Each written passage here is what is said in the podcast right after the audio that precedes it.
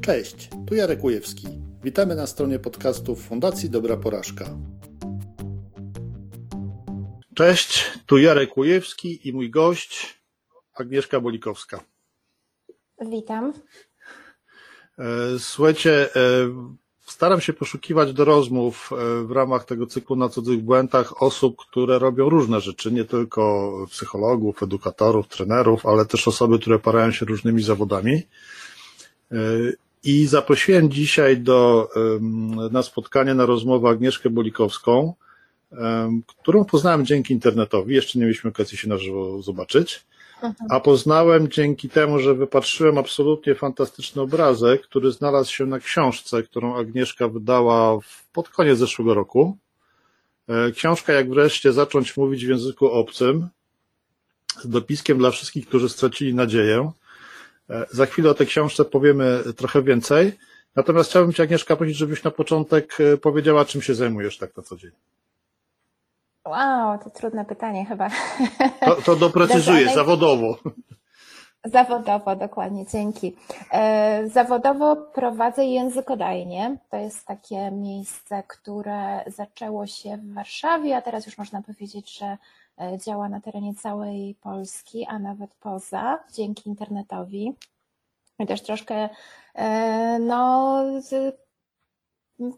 dzięki tej sytuacji, w której teraz wszyscy jesteśmy, mm, więc mamy osoby z, z różnych miast, miejscowości, z, z, z wszelakich zakątków Polski, nie tylko. E, I językodajnia jest to miejsce, które zaprasza dorosłych, którzy uczą się już języków obcych, głównie języka angielskiego wiele, wiele lat i mają takie poczucie, że są już gdzieś tam na poziomie średnio zaawansowanym, a jednak mają blokady, bariery językowe i nie są w stanie mówić tak, jakby chcieli mają takie poczucie, że to jeszcze ciągle nie jest ich język, że no, chcą zdecydowanie zmienić, tak? Przychodzi taki moment w życiu, że mają taką silną potrzebę, żeby się za to e, zabrać i e, poczuć, że angielski mm, otwiera im e, jakieś nowe drzwi mm, i horyzonty w życiu. I tym się zajmuję zawodowo na co dzień. Super. Skąd, się nazwa, skąd nazwa się wzięła językodajnia? A wiesz co, będę szczera, bo to mój e, kochany, rodzony brat. E, myśmy kiedyś mieli taką burzę mózgów, jak już wiedziałam, że chcę założyć e, takie miejsce, mm, to nie mogliśmy jakby wpaść na taką ładną polską nazwę. Nie chciałam, żeby to była jakoś anglojęzyczna, brzmiąca rzecz. I pamiętam, że się trudziliśmy chyba przez miesiąc w grupie znajomych, bliższych, dalszych. I kiedyś tak przy okazji zadzwoniłam do mojego brata mm, i spytałam się, słuchaj, może ty byś miał jakiś pomysł? I on dosłownie tak dwie sekundy powiedział, no przecież językopajnia. I tak zostało. Okay. tak. E, Pozdrawiam Myślałem, że... Słuchał. To powtórz jeszcze raz, bo teraz zagłuszyłem trochę że dziękuję braciszku. E, no ta nazwa zostanie na długo, mam nadzieję. E, nazwa jest bardzo fajna. E, jeszcze mi się z jedną rzeczą skojarzyła a propos tego, co wyczytałem w książce. Nie wiem, czy się domyślasz, którą? Mm, mm, mm. Z kuchnią, którą też macie w ramach stacjonarnej nauki. A, no tak, tak, tak, tak, tak, tak, tak. E, myśmy zaczęli bardzo ostro z tą kuchnią. Trochę przystopowaliśmy, bo to okazało się, że nie o to chodzi. To nie jest kwintesencją tego miejsca, no ale trzeba było taki właśnie klub, e, metodą prób i błędów dojść do tego. Na samym początku rzeczywiście przez pierwsze półtora mm, roku, a właściwie dwa lata serwowaliśmy posiłki związane z różnymi krajami anglojęzycznymi, a tych krajów jest aż 58, więc mieliśmy takie pole do popisu.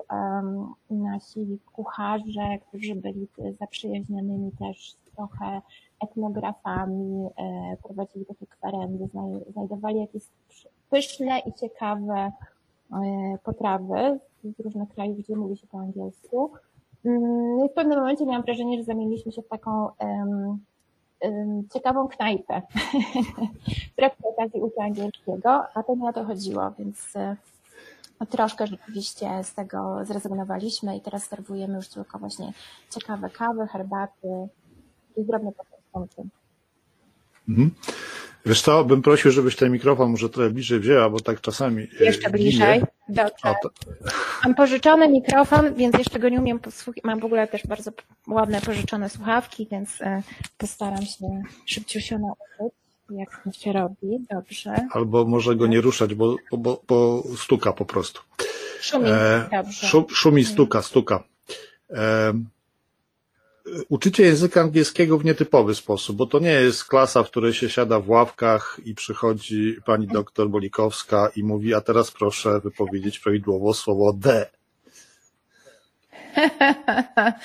Brońcie Panie Boże, to byłaby ostatnia rzecz, no chyba, że w ramach jakiegoś żartu czarnego humoru. E, mm, tak, no rzeczywiście wszystko to, co robimy, ma być e, nieszkolne i rzeczywiście trafiają do nas dorosłe osoby, 30-paro, 40-paro, 50-paroletnie, które próbowały już różnych szkół, różnych podejść, różnych metod e, i jakby ciągle nie widzą tego efektu, na który liczą, tak? Czyli takiego zaprzyjaźnienia się z językiem, przełamania tej bariery, E, pokonanie takiego lęku i strachu przed mówieniem i przed popełnieniem błędu.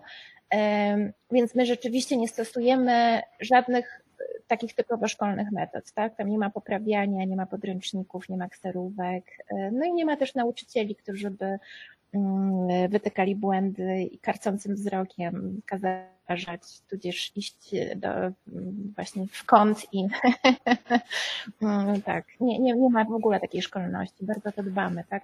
Tą częścią podejścia i metody. Hmm. Czyli karnego jeżyka nie ma, ok. A co jest w zamian? Słuchaj, w zamian jest życzliwość, taka też e, nauka tego, czym jest komunikacja, przestawienie się w ogóle na tory, zejście, y, odejście od takiego myślenia o języku, że to jest zbiór słówek spiętych gramatyką. I postawienie sobie takiego zadania, że chcemy zobaczyć siebie nawzajem i rozmawiać, to, to naprawdę jest naprawdę jest e, Wiecie co, Agnieszkę mamy w górach, e, w, no nie chciałem powiedzieć w zapomnianej wiosce, bo nie jest zapomniana, ale w, w typowo wakacyjnym miejscu, więc y, mamy tutaj jakieś niespodziewane efekty dźwiękowe. Mamy, tak, ojoj. Tak, to się, to się, tak, to się wytnie w, w podcaście, natomiast wideo zostanie. E... O, przykro. Pozdrawiam z Beskidu Niskiego, z Wołowca. E, dobrze, bo nie było słychać w większości Twojej wypowiedzi, e, to może jeszcze raz, e, co zamiast karnego jeżyka proponujecie? Dobrze, to ja teraz mam okazję jeszcze to zmodyfikować. Wiesz co, na pewno uśmiech, życzliwość, nastawienie do drugiego człowieka, odkrywanie tego, na czym polega dorosła komunikacja. E, jak to zrobić, żeby e, rzeczywiście efektywniej się komunikować, e, przy założeniu, że mm, no nie będziemy znali całego słownictwa w danym języku, że to jest jakby niemożliwe i to też nie jest naszym celem.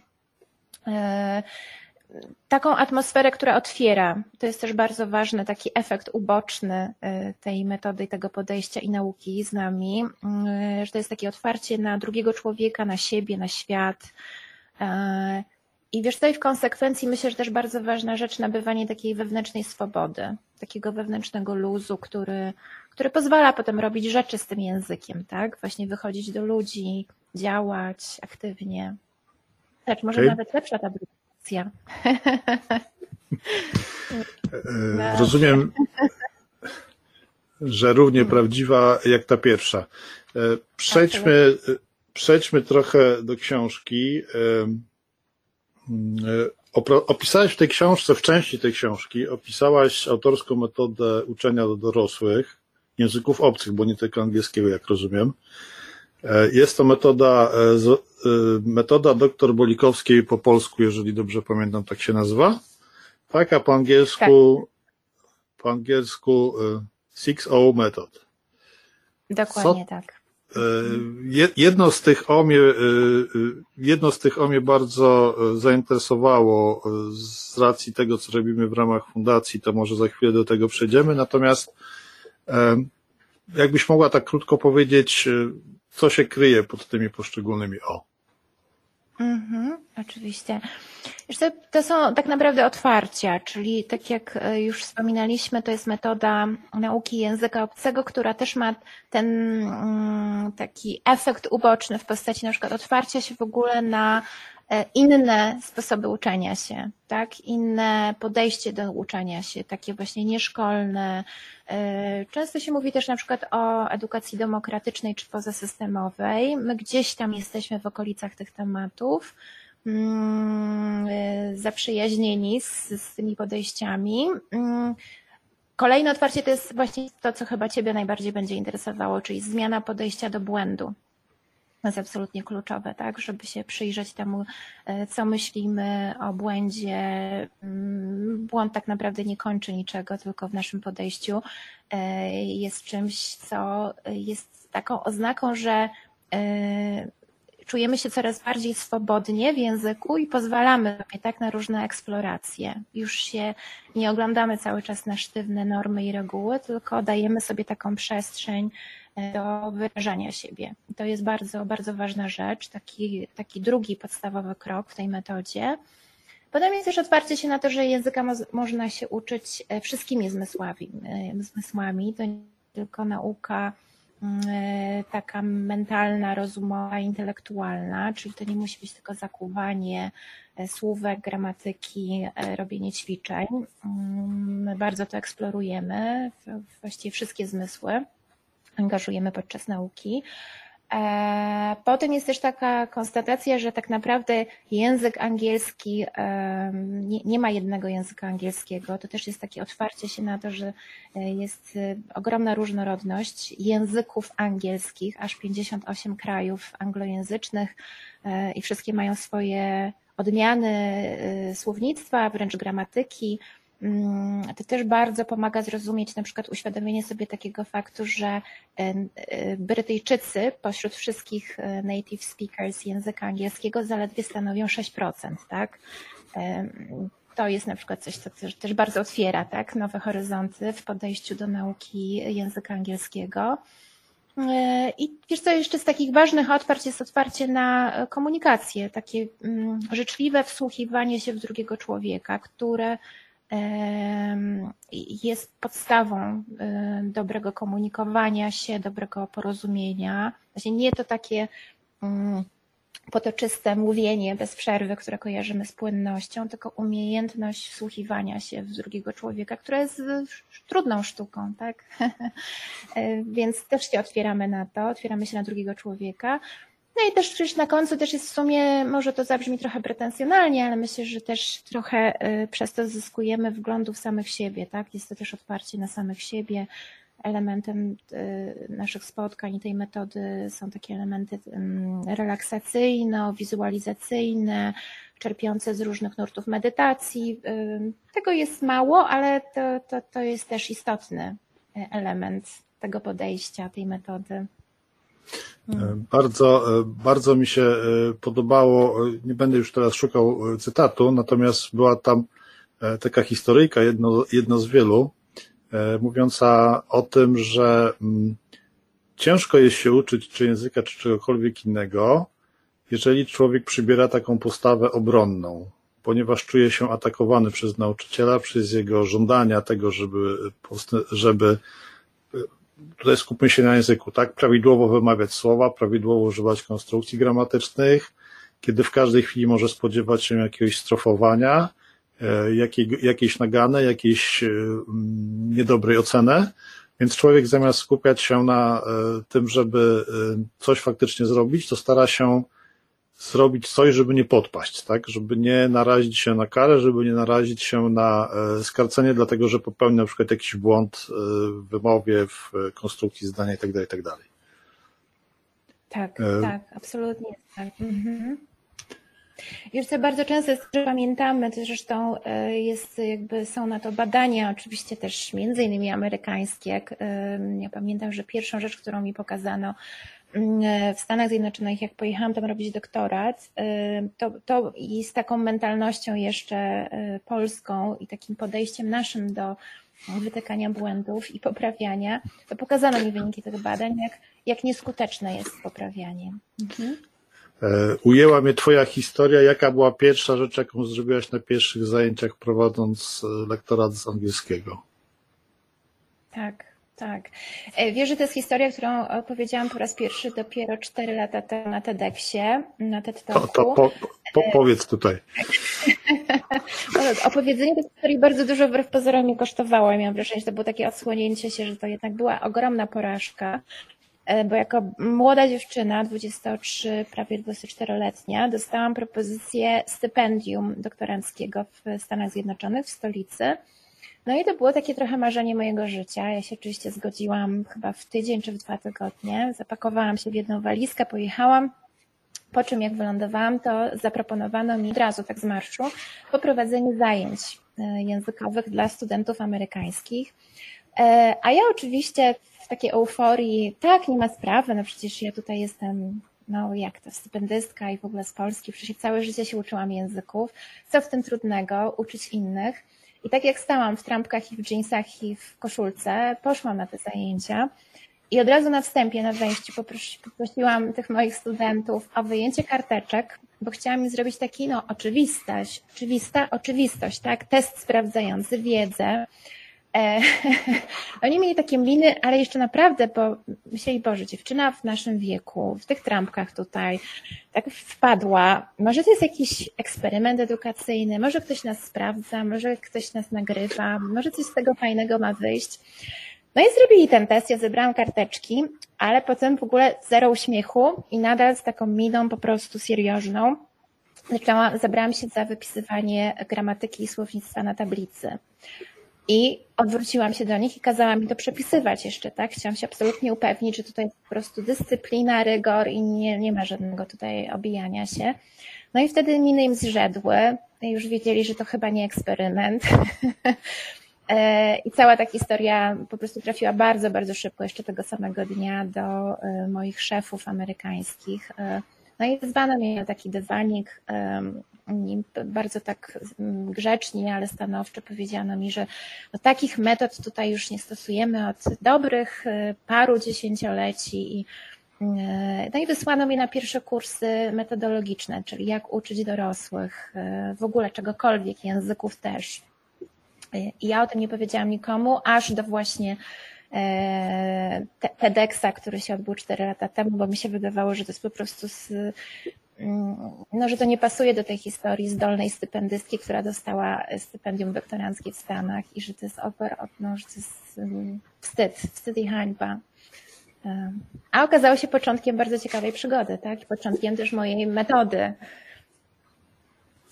To jest tak właśnie to, to, co to jest właśnie to, co pokazujemy też w fundacji, że to, że ktoś przeżył porażkę, że komuś się nie udało, czytaj nie osiągnął swojego celu, to wcale nie znaczy, że ten efekt tego działania jest czymś do wyrzucenia, czymś do zapomnienia, tak. tylko czymś, co można, co można dziś w przyszłości wykorzystać, nawet niekoniecznie w takim kontekście, jak nam się wydawało. Ja pamiętam też taką historię, jak kiedyś pracowałem jako coach menadżerów, że właśnie jeden jeden z uczestników takich sesji coachingowych, wypytywany przeze mnie bardzo intensywnie o jakieś tam różne swoje doświadczenia. Namawiałem go, żeby przypomniał sobie równie, równe swoje doświadczenia z młodości, bo szukaliśmy pewnych zasobów, których mu brakowało do realizacji jego celu. Powiedział w pewnym momencie, że jak był młodym chłopcem, to trenował, trenował no, taką walkę nie na miecze, to się mówi, tylko floret, no taki sport mm -hmm. tam z szablami. I,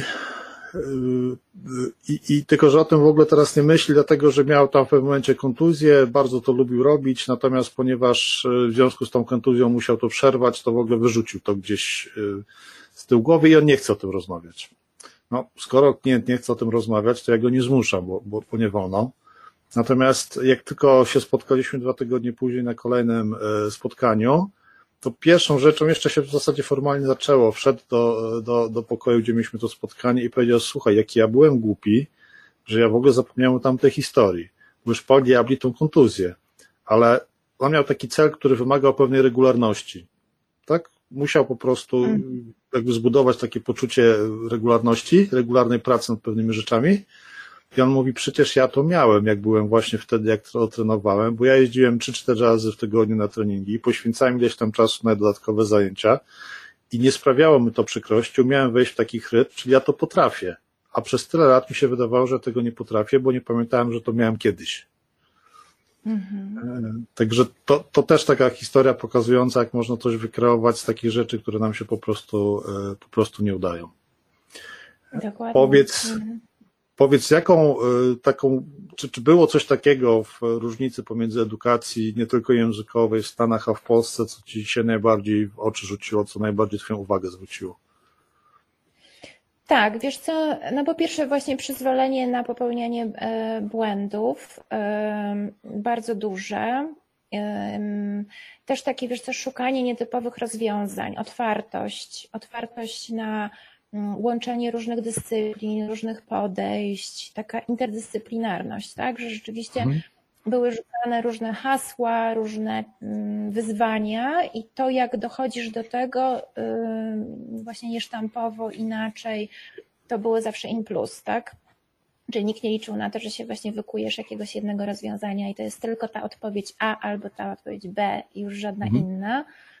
To było bardzo ciekawe i też myślę, że na początku też mi to trochę gdzieś tam przeszkadzało, uwierało, tak, bo rzeczywiście rzuca się bardzo w oczy różnica między podejściem w ogóle e, nowego świata, czyli Stanów Zjednoczonych i Europy generalnie. Ja wtedy w ogóle też o sobie nie myślałam jako o Europejce, ja wtedy myślałam o sobie jako Polce, e, ale myślę, że to jest szerzej, nie tylko Polska, tylko w ogóle takie podejście europejskie, które e, mm, jest bardzo takie dyscyplinarne, tak, że coś jest właśnie ekonomią, literaturą, prawem, i te rzeczy to jest takie myślenie cechowe też, tak? One są, mają, mają pewne zasady i reguły na wyłączność, tak? I mieszanie ich to już jest taka, powiedziałabym, mm, drażliwa kwestia. A w Stanach rzeczywiście, szczególnie od pewnego poziomu, od poziomu właśnie uczelni, a już na pewno doktoratu, to jest bardzo mile widziane, tak, żeby właśnie zderzać y, pewne dyscypliny, zderzać pewne podejścia i patrzeć, co się wydarzy ciekawego właśnie na tym zderzeniu. I to na pewno jest coś, czego się nauczyłam też tam, tak? Mhm. Hmm. Tak a propos zderzeń, właśnie dzisiaj zapoznałem nową osobę na LinkedInie i, i, i y, y, mam taką chęć, ponieważ ta osoba zajmuje się tematem trochę pokrewnym do tego, co my, co uzupełniającym się z tym, co robimy w fundacji, no to zapowiedziałem, że pewnie się w najbliższym czasie zderzymy, żeby z tymi naszymi, zderzymy te nasze tematy, tak, żeby zobaczyć, co z tego wyniknie. No właśnie odpowiedziała mi, że e, zderzenia są bardzo fajne. Potwierdzam to, co powiedziałaś. E, ja sobie potem dopowiedziałem, że są bardzo fajne, dlatego że generują wybuchy, które są dużą ilością energii, dużą ilością światła, żeby nie powiedzieć oświecenia, tak? E, takie, takie skojarzenie, takie skojarzenie mi przyszło do głowy. E, no dobrze, mhm. e, przejdźmy do tego otwarcia pod tytułem bez lęku i wstydu przed popełnieniem błędu i, i uciekającymi słówkami. E, napisałeś tutaj coś takiego, co zacytowałem też w jednym z zaproszeń na dzisiejsze spotkanie. Słysząc, jak ktoś nas poprawia, zapamiętujemy głównie fakt, że zostaliśmy poprawieni. Odbieramy to jako informację, znowu mi się nie udało, znowu nie umiem, nie daję sobie rady.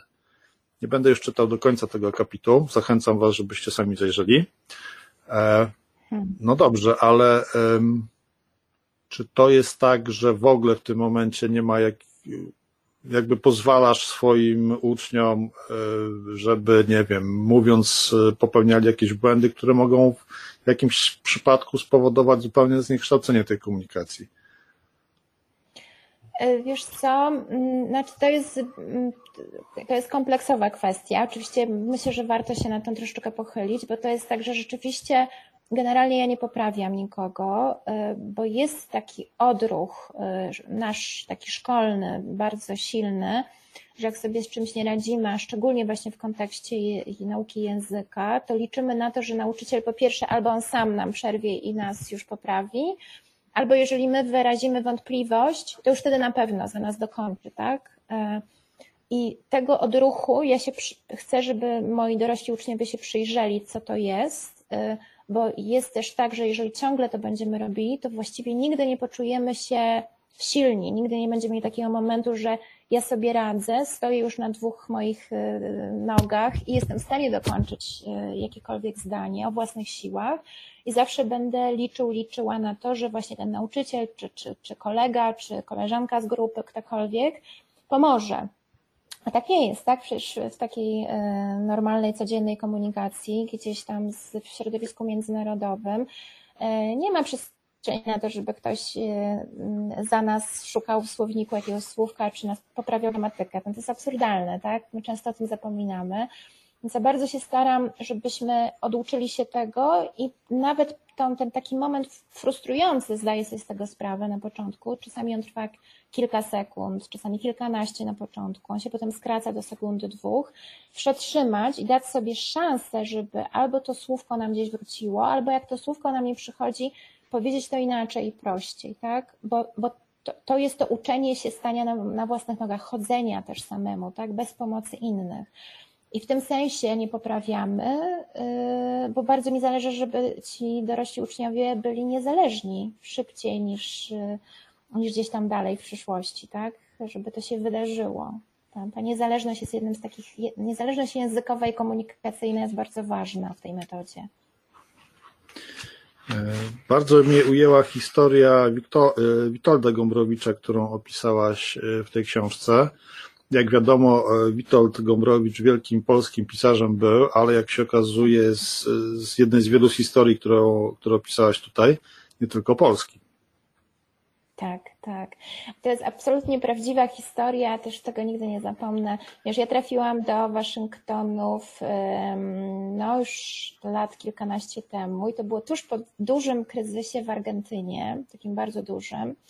E, I tam pośród y, moich kolegów robiących doktorat miałam profesorów, czasami 40-50 paroletnich, którzy naprawdę mieli już tytuły naukowe, a zaczynali od nowa w systemie amerykańskim kiedyś mieliśmy taką rozmowę, pamiętam, że ja mówię właśnie o Gombrowiczu, o, o naszym polskim pisarzu, a oni się oburzają na mnie, mówią, jak to, jakim waszym? No to jest nasz, tak?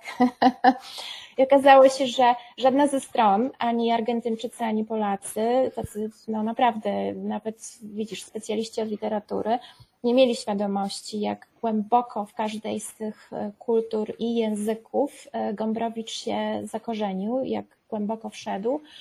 I okazało się, że Gombrowicz w 1969 roku był na transatlantyku i ten transatlantyk z Europy do właśnie Argentyny go złapał no, w trakcie wybuchu wojny.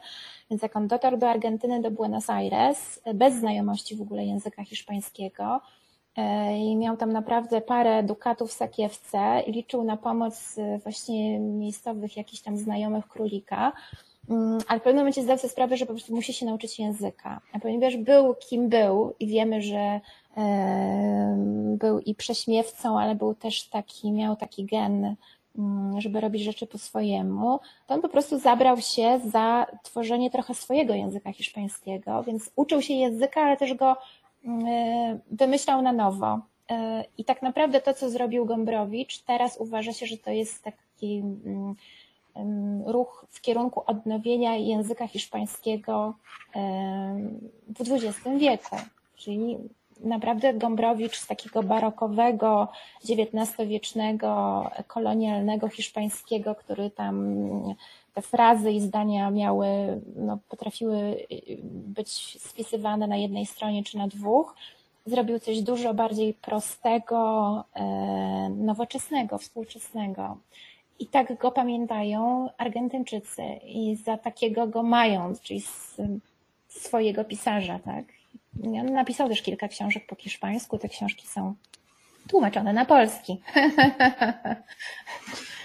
Kto by pomyślał, prawda? Tak. To, to jest bardzo ciekawa historia, pokazująca, że nawet y, y, że próbując po prostu robić pewne rzeczy, tak, będąc osobą odważną, popełniając błędy, myląc się, można wykreować zupełnie nową wartość, która no w tym przypadku przetrwała już prawie 100 lat, tak?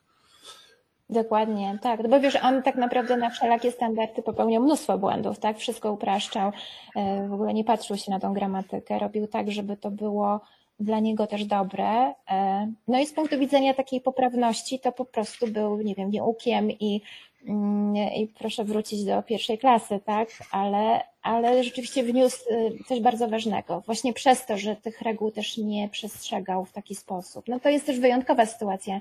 Nie, nie każda osoba, która popełnia błędy, y, do takiego stopnia wejdzie do kanonu literatury innego y, kraju języka, ale to jest ciekawy przypadek. Tak. Może też trochę kwestia determinacji, na pewno w przypadku każdego w końcu sukcesu, bo zapisał się na kartach historii tylko Polski, też e, szczęścia, tak? Bo jak się tak prześledzi historię osób, który, którzy osiągnęli sukces, osiągnęli sukces i po swoich wypowiedzi, no to wiele osób właśnie mówi, że jednak było potrzebne szczęście. Jak e, mhm. mawia mój kolega, bo w życiu nie wolno mieć pecha. Mhm. Jedną, jednym z otwarć, o którym mówisz w swojej książce, jest uważność kulturowa. I tutaj bardzo mi się spodobał też pewien fragment, czy generalnie mi się książka bardzo podoba. Nie jest to taka mhm. książka pod tytułem Jak się uczyć z wypisanymi w punktach, co trzeba zrobić, żeby to zrobić. Tylko to, co, co, co fajnie tutaj bardzo zrobiłaś, to jest e, opisanie po prostu tych rzeczy, które chciałeś przekazać ludziom, bazując na pewnych historiach. Patrz ta historia o Gombrowiczu, e, też są tam historie właśnie, e, ten cytat, który mówiłem chwilę temu dotyczący niepoprawiania, jak ktoś błędnie mówi, też wywodził się z pewnej historii. Natomiast właśnie tutaj to e, kulturowe otwarcie, kulturowa uważność też się zaczyna pewną historią związaną tak ogólnie rzecz biorąc, e, nawet kilkoma historiami, ale ta, o której chciałbym teraz opowiedzieć, to jest ta historia związana mm, też czymś, co moim zdaniem ma wpływ na to, w jaki sposób my w Polsce czy we Francji komunikujemy się mówiąc o porażkach, a w jaki sposób robią to w krajach anglosaskich, w szczególności w Stanach. E, pozwolę sobie przeczytać kawałek. Amerykanie opowiadają sobie często dwie historie. O kimś, kto od pucybuta doszedł do milionera, pracą, wytrwałością, determinacją, wbrew wszelkim przeciwnościom, oraz o kimś, kto upadł, dotknął dna, ale wstał, otrzepał się i sobie poradził. Natomiast według badań profesora Wojcieszka w Polsce opowiadamy sobie najczęściej historię o. Pamiętasz? Tak, no zupełnie inną historię, tak? O, o kimś, kto się nachapał i, i gdzieś mu się to, to, trafiło przypadkiem, tak? To są zupełnie inne też e, tak zwane urban legends, czyli takie przekazy, które gdzieś kulturowe krążą. My sobie z nich może nie zdajemy sprawy, ale mają ogromny wpływ na to, jak e, postrzegamy świat. No i ta mhm. różnica tak, między... Tak, tak, jeśli mogę tak e, trochę dokładniej, to było o osobach, które osiągnęły sukces, które e, mają coś, tak, mają jakieś dobro, mają jakieś bogactwo, bo kradły i oszukiwały. Tak, tak tak. No albo to, to przypadkiem się coś trafiło. No tak, to gdzieś myślę, że może w nas pokutować. Fajnie, ja myślę, że w ogóle fajnie, żeby się temu przyjrzeć, tak? Bo mm, to nie, to nie jest um, definity, definitywne w sensie, że um, też nie uważam, że należy rozpaczać, że jesteśmy takim um, pogubionym, nie wiem, narodem z takim myśleniem. Absolutnie nie, że warto się po prostu temu przyjrzeć, to zobaczyć i gdzieś tam się na tym łapać, tak, jeżeli uważamy, że nam to nie służy, a myślę, że nam to generalnie może nie służyć takie podejście, tak, e, i że też jest dużo fajnego w tym, jak o sobie myślą i o innych Amerykanie, tak, bo to też daje taką, mm, tam jest dużo mniej zawiści i zazdrości, a bardziej takiego, okej, okay, mi się nie powiodło, ale może mi się powieść, tak, jak będę wystarczająco długo próbował e, i dam sobie szansę, tak. Mm, więc w tym sensie uważam, że to jest fajne, żeby tę historię znać i chcieć, jeżeli mamy na to ochotę, mm, coś z tym zrobić. Hmm. Mhm. No, takie trochę inne podejście do życia. E, obrazuje sposób, nawet sam sposób komunikacji obrazuje trochę inne podejście do życia. E. Chociażby te, też to, co, o czym pisałaś, a co ja też obserwowałem regularnie w kontaktach z obcokrajowcami różnymi, e, tak, na pytanie, odpowiedzi na pytanie, jak się masz. Czyli takie standardowe, powiedzmy, angielskie pytanie. Pierwsze zdanie, które się nauczyłem, to było właśnie how do you do? Albo jakoś tak. E, jeszcze dawno, dawno temu. Gdzie, gdzie, gdzie Polak mówi prawdę, że tak powiem, tak? Czy jak go boli głowa, to mówi, że go boli głowa i że właśnie złapał kapcia w samochodzie. A wiele nacji, w szczególności Amerykanie, mówią, jest świetnie. Cieszę się, że Cię widzę. Tak, tak. I wiesz, Jarku, my na ten temat w ogóle, bo to jest tak zwany small talk, tak, który sprawia szczególnie nam, Polakom, bardzo dużo trudności, e, bo jest takim zwierzem, który w ogóle jest nam nieznanym. Go w ogóle to nie jest wiewiórka, to nie jest wiesz, gdzieś myszka, to, to nawet nie jest jakiś wilk. To jest bardzo egzotyczne zwierzę, my nie wiemy, co z tym robić i generalnie postawieni w takiej sytuacji właśnie gdzieś po konferencji czy jakimś towarzyskim spotkaniu, Mm, gdzie są obcokrajowcy, generalnie wpadamy w popłoch, tak, bo w ogóle nie umiemy tej rozmowy obsługiwać. Ona jest dla nas o niczym. E, uważamy też często, że obcokrajowcy są powierzchowni, no właśnie wyrażając takie po prostu entuzjastyczne świetnie, tak, kiedy wiemy, że życie nie może być zawsze takie różowe. Więc akurat w językodajni pierwsze dwa miesiące takiego kursu, który, na który zapraszamy, to są właśnie poświęcone smalltalkowi, bo to jest bardzo ciekawe, mm, no bardzo ciekawe zwierzę, którego w naszym zoo nie mamy. A okazuje się, że e, przydatne. Mhm. E, przyznam się, że też przez długi czas miałem kłopot ze smalltalkiem, e, natomiast zastanawiając się, czemu nie jestem w stanie, rozmawiając, nie wiem, pracowałem w amerykańskiej firmie, przyjeżdżali goście ze Stanów, rozmawialiśmy o jakichś tam technicznych rzeczy, rzeczach, i te rozmowy były takie normalne. Później, jak gdzieś szliśmy wieczorem, żeby sobie jeszcze porozmawiać o innych, niekoniecznie pracowych rzeczach, to nagle gubiłem język buzi. By się okazało, że po prostu e, nie miałem, nie praktykowałem czegoś takiego, jak rozmawianie o innych rzeczach niż, niż pracowe. Nie? To jest bardzo ważne, to co mówisz. Wiesz, jakie to jest częste, no dobrze, to jest kolejny wyimek na, na, do kolejnej książki, bo to jest bardzo, bardzo częsta rzecz. Rzeczywiście trafiają do mnie świetni profesjonaliści na te zajęcia grupowe, dorośli, naprawdę eksperci w swoich dziedzinach, którzy właśnie mówią, że oni po prostu nie radzą sobie z taką rozmową o niczym. Po prostu absolutnie. Wtedy mają ochotę uciekać do toalety, tak? po prostu tak jest. Mhm. Tak, miałem też taką sytuację, że jak pierwszy raz zadzwonił do mnie telefon z Indii e, i usłyszałem ten charakterystyczny indyjski angielski, mhm. E, to w popłochu, w pierwszym odruchu powiedziałem I'm sorry, there is something wrong on the line i odłożyłem słuchawkę. Okej, okay, okej. Okay. Natomiast to później mi było wstyd przed samym sobą i przed moim rozmówcą. Przemyślałem sobie tą sytuację, stwierdziłem, że jednak trzeba spróbować coś z tym zrobić. No ale to takie, takie właśnie e, odruchy związane e, z niepewnością. E, słuchajcie, no jeszcze raz pokażę tą książkę, polecam. Poza samym opisem metody, która, tak jak powiedziałem, to nie jest taki podręcznik, to jest raczej zbiór historii mówiących o tym, jak inaczej trzeba się uczyć angielskiego niż to robimy na co dzień i z czego warto korzystać. No to są też, e, są też inne historie, inne opowieści dotyczącego i rozmowy z, z też z paroma znanymi nazwiskami, e, które e, pokażą Wam, w jaki sposób różni ludzie podchodzą do nauki angielskiego, co dla nich z tego wynika. Ja już odłożę tę książkę jeżeli pozwolisz. E, dziękuję, dziękuję bardzo.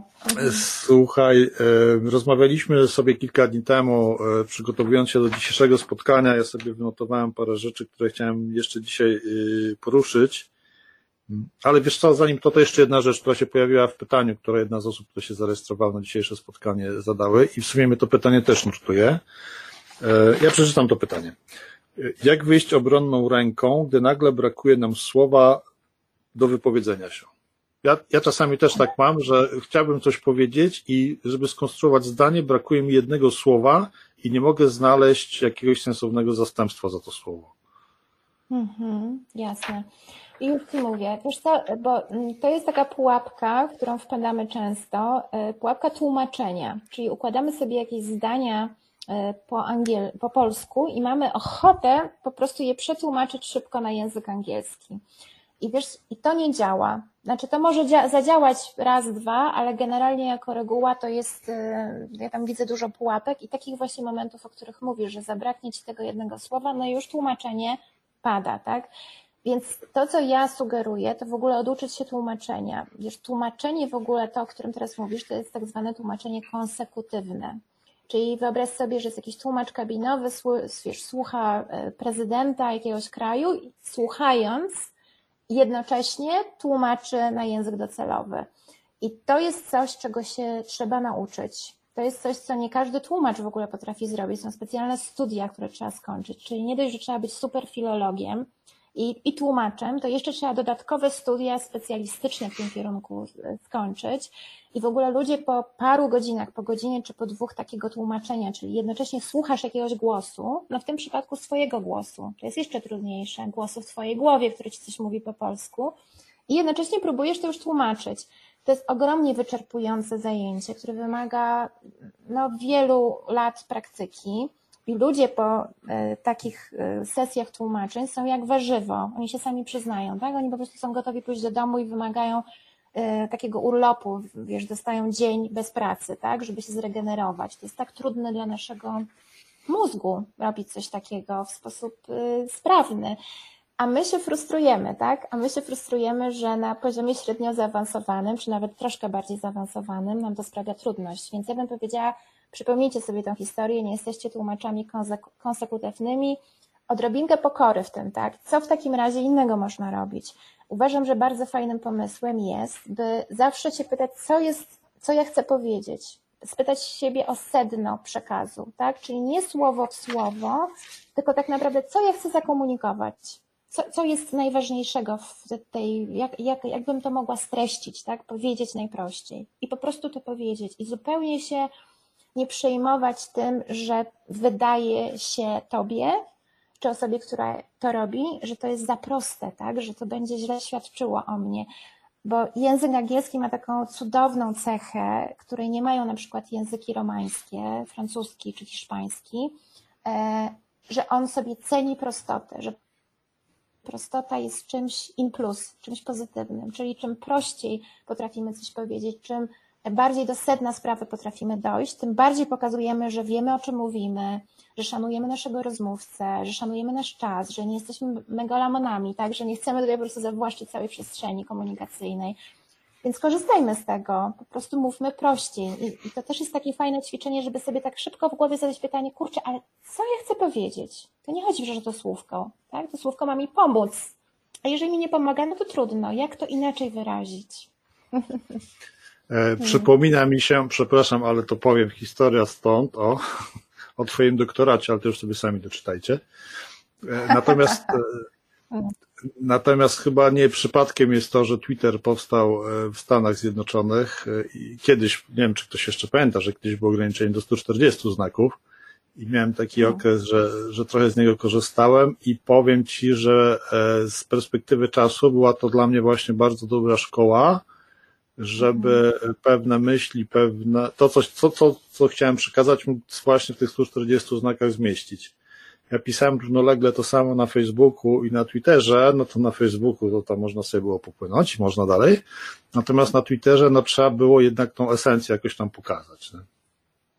Niektórzy to prawda oszukują, robią zdjęcia dłuższych tekstów i wklejają na Twittera, ale to nieładne. Nie bawcie się tak. Grajcie, grajcie sportowo, spróbujcie te 250 znaków wykorzystać, bo to jest naprawdę super nauka, e, która nawet później przy pisaniu jakichś tekstów się przydaje, e, bo ja też prowadzę, prowadzę szkolenia z prezentacji e, i na, na przykład uczę, jak przygotować 5 czy 3 minutową prezentację, no to właśnie podpowiadam im te metody, które ja się nauczyłem pracując na Twitterze tak? Duża wypowiedź y, z Facebooka, wycinane wszystkie rzeczy, które nie wnoszą żadnej dodatkowej wartości, jakieś y, w większości przymiotników też takiej wypowiedzi typowo informacyjnej jest zbędna. No i nagle się okazuje, że da się trzy zdania powiedzieć y, w postaci jednego zdania, tak? Tak. O tej samej. O, przepraszam cię, mów. Już. Weszliśmy w słowo. Nie, ty pierwszy. Ja już kończyłem.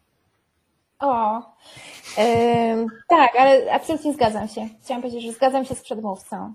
tak, tak jest. I to jest bardzo dobre ćwiczenie. Też takie, na początku może rzeczywiście mm, wywoływać taki dyskomfort, tak? Bo mamy takie poczucie, że rzeczywiście jesteśmy oceniani przez pryzmat tego, że mówimy za prosto, ale y, warto dać temu trochę więcej czasu, bo to bardzo ułatwia, tak? Znaczy rzeczywiście ten taki ping-pong komunikacyjny, ja to czasami nazywam, tak? Czyli ta wymiana zdań, wymiana myśli y, płynie, zaczyna płynąć w bardzo fajny sposób. Um. Powiedz mi proszę, rozmawialiśmy też właśnie dwa dni temu na temat jakby podejścia do edukacji, podejścia do systemu edukacyjnego. Mhm. Też w fundacji staramy się w miarę dostępnych zasobów e, patrzeć na to, e, czy i w jaki chociaż drobny sposób możemy e, wpłynąć trochę na to, co się dzieje w ramach edukacji. Chociażby przygotowując taki dostępny bezpłatnie skrypt z lekcjami, dla, który, który nauczyciele mogą wykorzystać w zajęciach z dziećmi w różnym wieku, żeby oswoić ich y, z, z porażką, pokazać jak sobie radzić z błędami, pokazać, żeby nie bać się eksperymentować, żeby e, nie bać się tego, że właśnie może się coś niedobrego wydarzyć. E, natomiast y, też y, jakby często pytanie o to, z czego wynika to, że nie potrafimy się uczyć na błędach, czy że boimy się w ogóle błędów, że boimy się zrobić coś, bo przed oba z obawy przed popełnieniem błędu, e, no to wychodzi nam bardzo szybko to, że e, mamy to trochę tak e, wpisane po szkole, tak? To, to, to co mówiliśmy na początku. Ławka, rządki, porządeczek, broń Boże nie rozmawiajcie ze sobą, nawet jeżeli rozmawiacie na temat lekcji, na której w tej chwili jesteście i musi być odpowiedź zgodna z pewnym szablonem. Wiem, że działasz, wiem, że działasz w organizacji, e, nie wiem, czy dobrze zapisałem, EduEC? Eudek, tak. Eudek, Eudek. o, mhm. to się dobrze zapisałem, ale źle przeczytałem. No widzisz. Powiedz mi, e, co, co ta organizacja próbuje zrobić, co chce zmienić? E, wiesz co, ja w niej działam rzeczywiście. To nie jest tak, że wszystko, co robię, absolutnie gdzieś tam się podpisuje też pod tym, co, bo to jest taka organizacja, która zrzesza właściwie wszystkie inicjatywy poza, a bardzo dużo inicjatyw pozasystemowych w edukacji, właściwie z całego świata, na pewno na terenie Europy. I to jest bardzo ciekawe, bo kiedyś trafiłam na taki zjazd y, tej organizacji w Ojżanowie pod Warszawą, to już było parę dobrych lat temu. No i od tego czasu gdzieś tam rzeczywiście podtrzymuję kontakt, bo to jest bardzo ciekawa grupa ludzi. Szkoły Montessori, Waldorfowskie, no wszelakie. Y, co ciekawe, to są propozycje dla dzieci i dla młodzieży. One gdzieś się tam kończą na właśnie 18 roku życia, jest chyba no, zaledwie parę na na palcach jednej ręki można policzyć uczelnie na świecie, między innymi jest jedna w Japonii bodajże, która próbuje wdrażać takie pozasystemowe podejścia, próbuje y, dla ludzi po 18 roku życia. Mm. I wiesz co, no to jest ciekawe, bo rzeczywiście my tam mamy te zjazdy raz do roku przez parę dni w takiej atmosferze właśnie nie, bardzo nieszkolnej, gdzie każdy może zaproponować jakąś dyskusję czy jakiś temat. To jest bardzo ciekawe, się wsłuchiwać się w ludzi, którzy to robią, porozmawiać z praktykami, jak w praktyce wygląda robienie czegoś już nie w obrębie systemu, tylko poza właśnie systemem, tak? Czyli budowanie czegoś e, nowego. No trochę językodajnia też jest taką próbą, tak? Czyli jak to zrobić, żeby to nie była szkoła językowa. Ja już się godzę z tym, że jestem nazywana szkołą językową, ale tak w gruncie rzeczy to jest taka tylko kategoria wyjściowa, tak? Mm, tak jak jest sklep warzywny, można kupić różne warzywa, mm, to też warto znać taką nazwę, natomiast y, ja absolutnie nie czuję się, że jesteśmy jako językodajnia, że to nie jest, to, to nie jest dla mnie szkoła językowa, taka typowa. To jest zupełnie jakieś inne wydarzenie, tak? Poszukiwanie też nazwy jest samo w sobie ciekawe, w takim razie co to jest, ale razem z dorosłymi, którzy do nas przychodzą, między wierszami gdzieś tam czasami też się myślę na tym łapiemy i zastanawiamy, jak różne jest to uczenie się w tym systemie, w tym naszym procesie, tak? Na, na, zupełnie na innych zasadach polega. nie na systemie kar i nagród, zupełnie inaczej działa motywacja, zupełnie też inaczej działa odpowiedzialność każdego uczącego się za, za siebie, za swój proces. Uczestnictwo też tak, że wszyscy jesteśmy gdzieś tam równi, dbamy o siebie, mm, dbamy o tą przestrzeń, tak, rozmowy, wymiany. E, ja nie jestem najważniejsza, żaden prowadzący nie jest najważniejszy, nie ma wymądrzających się nauczycieli. E, nauczyciel jest tak naprawdę jednym z, tak, osobą, która tak naprawdę ma tworzyć warunki do dzielenia się, do, do, do dowiadywania się, eksperymentowania, a nie ten, który tam ex katedra coś wygłasza i mówi zapiszcie sobie i wykujcie na następne zajęcia. E, więc to jest dużo ciekawych wątków, muszę Ci powiedzieć. I branie udziału w takich spotkaniach z taką, z tak prężną wspólnotą, e, grupą ludzi całego świata, to jest zawsze mm, duża radość, tak, bo człowiek też się konfrontuje, tak, to też Cię tam gdzieś popycha w rozwoju, też widzisz, że jeszcze można zrobić coś inaczej, mm, jak sobie ludzie radzą z tą pozasystemowością, bo to jest y, no, takie trudne dosyć wyzwanie. Mhm. Mhm. E, opowiadałaś e, też o tym, że ludzie, którzy, dorośli ludzie, czasami nawet e, po 60, którzy przychodzą do językodajni, mają, mają w siebie wdrukowane to, że przychodzą do kolejnej szkoły i to te doświadczenia, które gdzieś tam, gdzie moja ręka jest tu, które gdzieś tam z dzieciństwa mają, no to przenoszą na, przenoszą na współczesność łącznie ze stresem, który, który wtedy tam przeżywali. Tak, tak. Mhm. Jak, jak to rozbrajasz?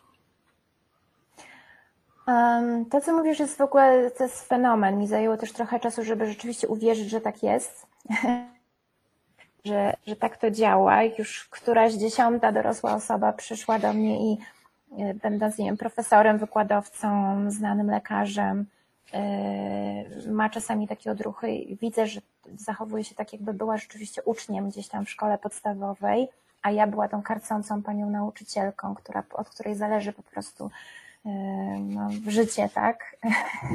być czy nie być ucznia. Wiesz co, po pierwsze o tym też mówimy. Jakby ja nie wchodzę w rolę nauczyciela, to po pierwsze. Bardzo jakby w tej metodzie dba się o to, żeby nauczyciel też był świadomy, tego, że łatwo jest wejść w taką rolę, bo to jest y, taka pozycja, która daje ci taką władzę też, tak? Mm, I to trzeba gdzieś tam sobie zauważyć, co nam to robi, dlaczego byśmy chcieli coś takiego wejść. Mm, I tak samo jak ja uważam na to, żeby nie wchodzić w rolę nauczyciela, który wszystko wie najlepiej, i zawsze ma rację, i w związku z tym też poprawia i w ogóle czerpie jakąś tam jednak małą satysfakcję z tego, że ktoś się tam męczy i poci. No bo tak też bywa nie mówię, że zawsze, ale może tak być i na tym się właśnie trzeba przyłapać. Tak samo z drugiej strony mówimy sobie, słuchaj, ty jesteś dorosły, tak? Ty, to od ciebie zależy, jak powiesz, co powiesz. To jest twoja historia, którą snujesz po angielsku, to jest twoje życie, twoje unikalne doświadczenia E, dajemy czas na zajęciach, tak, żeby, ka żeby każdy mógł znaleźć swój sposób opowiedzenia tego, o czym chce powiedzieć. To jest bardzo ważne, żebym ja miała tą cierpliwość, żeby inni uczestnicy e, też w grupie nauczyli się tej cierpliwości, tej przestrzeni. To jest bardzo ważne, tak? No, to jest długi proces. Wiesz, znaczy u niektórych też działa szybciej, ale ja myślę, że to jest taka rzecz, jeżeli myśmy w tym systemie trwali kilkanaście, kilkadziesiąt lat, a czasami w naszych pracach jeszcze trwamy w takich systemach, tak, takich konstelacjach, powiedziałabym, e, to, to się człowiek tego nie, no, nie oduczy tak na trwałe z dnia na dzień. To się gdzieś tam musi, trzeba się po, pomocować z tym, tak? Ta szermierka się musi gdzieś tam odbyć. Hmm. Ale mówimy, otwieramy, ćwiczymy, tak? Dajemy przestrzeń, taką cierpliwą przestrzeń na to, tak, żeby to się gdzieś tam rozegrało. Czy, czy czujesz, że to jest trochę tak, że takie otwarcie się dzięki temu, że ktoś przyszedł na naukę języka, czy na polepszenie znajomości tego języka, sposób usługiwania się tym językiem, to e, też ma jakiś wpływ na inne aspekty życia takich ludzi?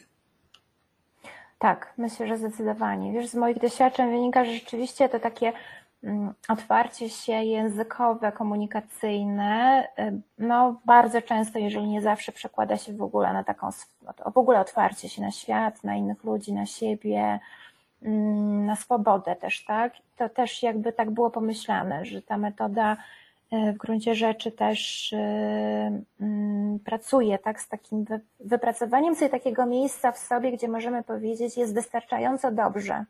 Nie jest idealnie, nie mówię płynnie po angielsku, nie mówię perfekcyjnie i tak właściwie nawet pod koniec tych kursów ludzie dochodzą już sami do wniosku, że to nie jest im nawet potrzebne, tak? No, że mogliby dojść do tej płynności językowej, ale tak ogromnym kosztem okupionej pracy, wysiłku, nauki, że właściwie jest im to niepotrzebne, tak? To nie są przecież lingwiści, to nie są e, tłumacze, to są po prostu normalni ludzie, którzy chcą tego języka używać tak, żeby im to sprawiało frajdę. E, więc tak. To też e, przypomniała mi się jedna rzecz, zainspirowana trochę też pewną historią z tej książki.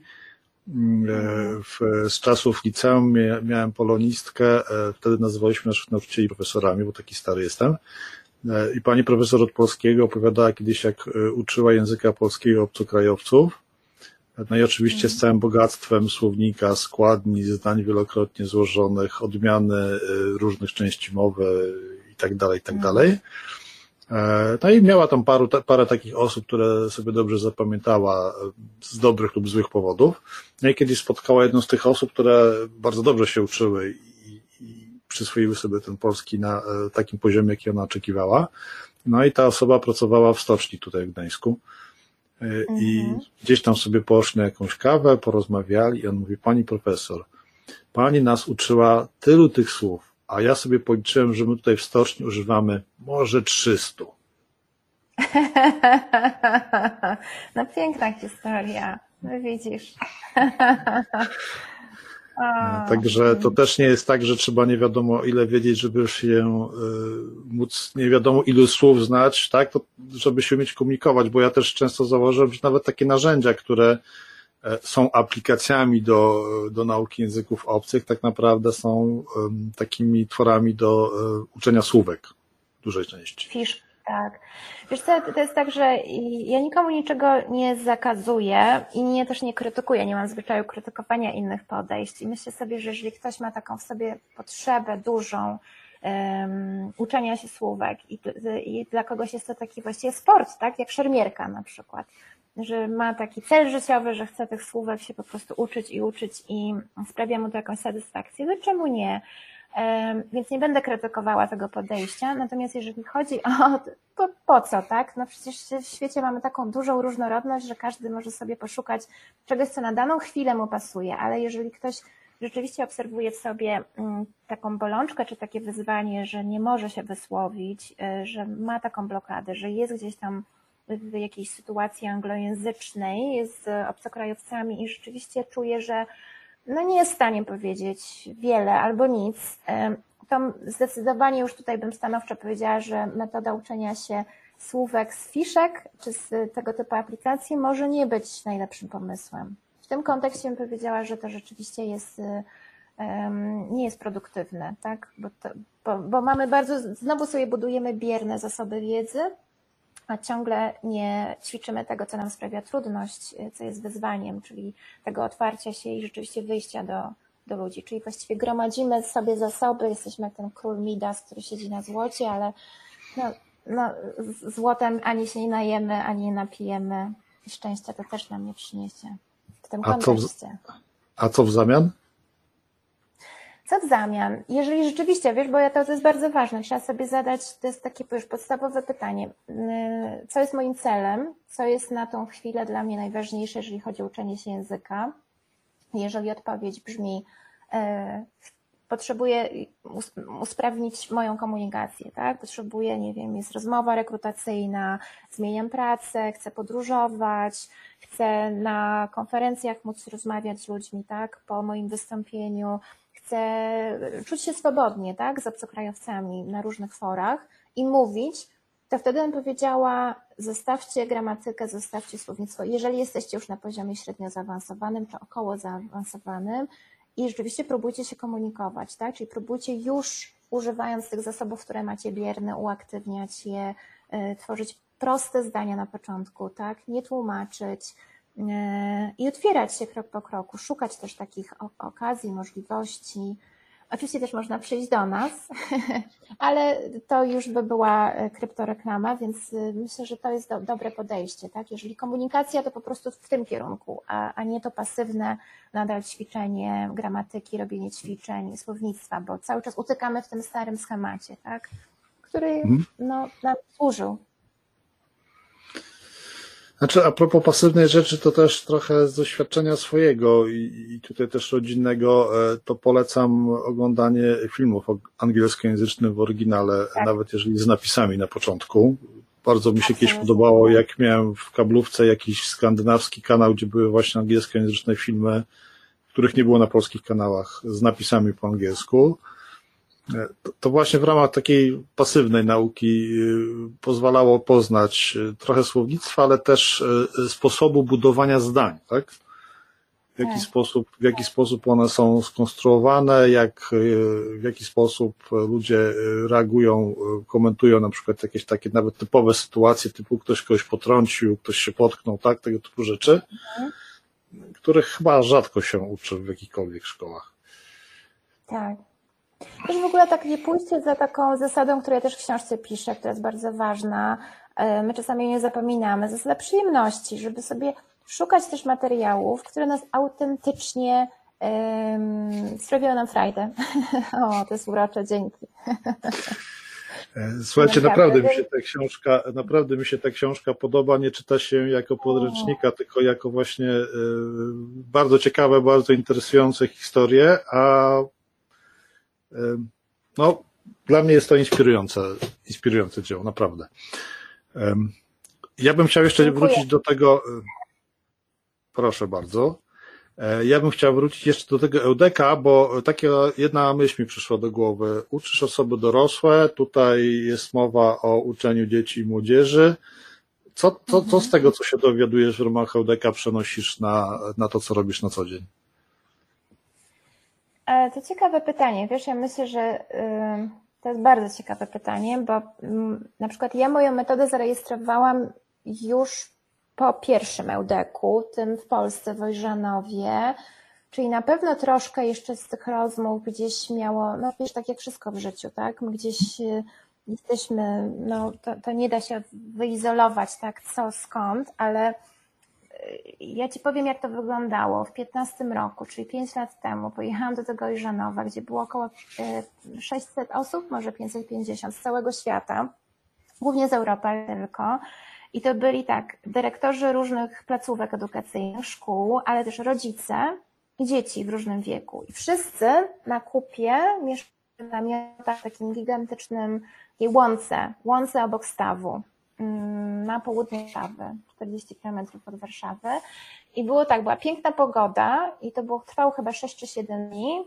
I słuchaj, każdy, każda jedna osoba w każdym wieku, niezależnie od tego, czy miałeś lat 50 i byłeś dyrektorem szkoły, czy miałeś 10 i byłeś uczniem, gdzieś w wielkiej tablicy propozycję jakiegoś tematu chciał przedyskutować. Jakieś pytanie na przykład, tak? Albo jakąś tezę, jakąś bolączkę, cokolwiek to było.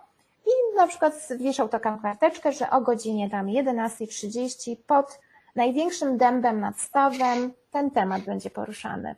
I zasadą było tylko to, że każdy może zgłosić taki temat, każdy może uczestniczyć. Była generalnie zasada szacunku, tak? Czyli przychodzisz, słuchasz, jeżeli ten temat Cię wciąga, to bierzesz udział aktywnie czy pasywnie, a jeżeli Cię to nie interesuje, to grzecznie bez robienia żadnych tam scen dramatycznych, po prostu sobie idziesz w inne miejsce, tak? Dziękując skinięciem głowy za ci też tam coś dał.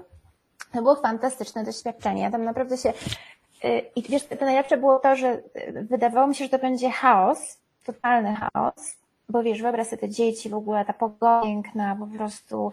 W ogóle też mi się wydawało, że nikt na to nie będzie chodził, no bo jak to, wiesz, staw mamy tutaj, no to halo, no ale wszyscy, wszyscy naprawdę aktywnie brali udział z własnej woli, nieprzymuszonej yy, i nie było żadnego chaosu. To się po prostu bardzo fajnie działo, tak? Wszyscy dokładnie wiedzieli, gdzie jest ten największy dom. Jak ktoś nie wiedział, to się dopytał.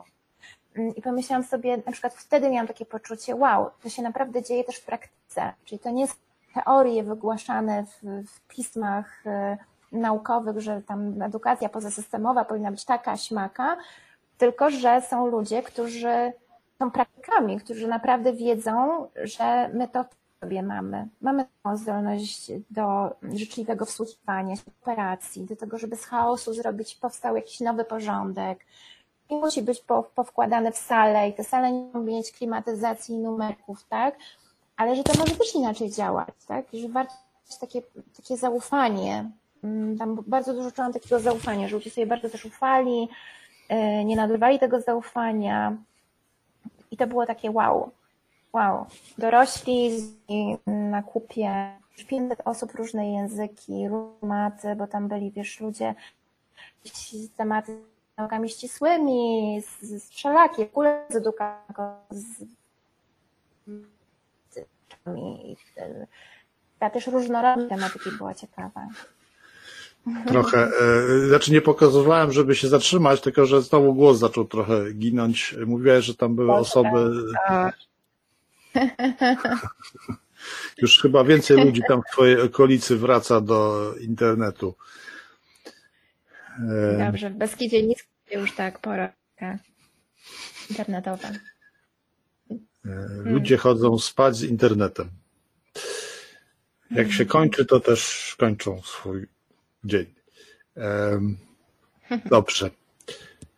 Jak moglibyśmy podsumować nasze dzisiejsze spotkanie? E, co, co moglibyśmy e, poradzić osobom, które tutaj słuchają, jeżeli chodzi o odwagę w uczeniu się języka i nie tylko? Więc podsumowując e, naszą dzisiejszą rozmowę, Pozdrawiam Was z Wołowca w Beskidzie Niskim, gdzie powstała książka. Mm, I jeśli miałabym Wam dać jakieś wskazówki, to myślę, że byłoby to po pierwsze mm, unikać tłumaczenia, z języka polskiego na język e, docelowy angielski. E, zawsze starać się przyłapać e, na tym momencie, kiedy mamy ochotę tłumaczyć dosłownie słowo w słowo i brakuje nam jakiegoś słowa, uśmiechnąć się do siebie, wziąć oddech i spróbować powiedzieć tą samą treść prościej. E, I druga wskazówka, która wynika z pierwszej, w ogóle starajcie się mówić w języku angielskim e, prościej niż mówicie w języku polskim. To naprawdę nie ujmuje nic przekazowi, e, a wręcz przeciwnie spowoduje, że wasz rozmówca na pewno będzie miał takie poczucie zaopiekowania i tego, że staracie się mu naprawdę coś ważnego powiedzieć mm, i nie będzie też się czuł onieśmielony, jeżeli będziecie tłumaczyli mu coś bardzo zawile, mm, skomplikowanie i on kolei będzie miał kompleks, że nie rozumie o co Wam chodzi.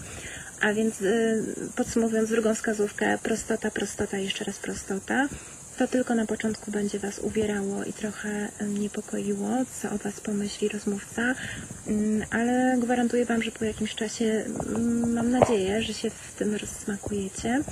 E, a trzecia wskazówka mm, to jest wyszukać takich e, miejsc, takich ludzi, tudzież mówić e, ludziom z Waszego najbliższego otoczenia, prosząc o to, by dawali Wam przestrzeń na to, byście mogli dokończyć zdanie, byście mogli zamyślić się, poszukać odpowiednich słów, fraz, w ogóle zastanowić się, co chcecie powiedzieć, że na początku to rzeczywiście wymaga odrobina cierpliwości, nie zmiany takich torów myślenia, że ktoś Wam zaraz pomoże, dopowie za Was, ale w ten sposób będziecie też się uczyli takiej samodzielności językowej, niezależności, kończenia zdania za siebie, nawet jeżeli na początku będą to proste zdania, to będą to Wasze zdania i satysfakcja na pewno będzie rosła. I tyle. Życzę Wam powodzenia w tej pięknej przygodzie, jaką jest odkrywanie e, języków obcych, języka angielskiego i siebie samych przy okazji. Słuchajcie, to już, to już od Was zależy. E, polecamy dobre rzeczy. E, polecam jeszcze raz ostatni już dzisiaj książkę Agnieszki Bolikowskiej, jak wreszcie zacząć mówić w języku obcym. To spotkanie nie jest opłacane przez wydawcę książki ani przez Agnieszkę po prostu dobra rzecz, no. Bardzo, bardzo mi się spodobała, bardzo mi e, przypadła do gustu i nie mówię o tym tylko dlatego, że coś będę chciał kiedyś od Agnieszki jeszcze. E, słuchajcie, kończymy nasze spotkanie. E, dziękujemy wszystkim osobom, które nas e, wysłuchały. Agnieszko, dziękujemy, że zechciałaś zrobić sobie kawałek przerwy w, w urlopie. Życzymy, życzymy, żeby dalszy ciąg urlopu był bardzo udany i żebyś z nowymi siłami wróciła do, do Warszawy, która na pewno czeka na Ciebie i też parę osób chętnie się z Tobą pewnie spotka, nie tylko online, ale również na żywo. Mam nadzieję, że również e, będziemy mieli okazję się spotkać na żywo. Dziękuję, dziękuję za zaproszenie. Dziękuję. A jeszcze chciałam powiedzieć, że pozdrawiam z miejsca, w którym pisałam książkę z Wołowca, bo książkę pisałam, gro książki napisałam właśnie w tym miejscu, więc pozdrawiam, dziękuję za rozmowę, pozdrawiam wszystkich. Dziękuję Jarku. Dziękuję jeszcze raz e, bardzo Tobie i wszystkim osobom, które nas wysłuchały. Do usłyszenia na kolejnym spotkaniu. Cześć. Dziękujemy za wysłuchanie naszego podcastu. Jeśli szukasz innych ciekawych materiałów, zapraszamy na stronę dobraporażka.pl.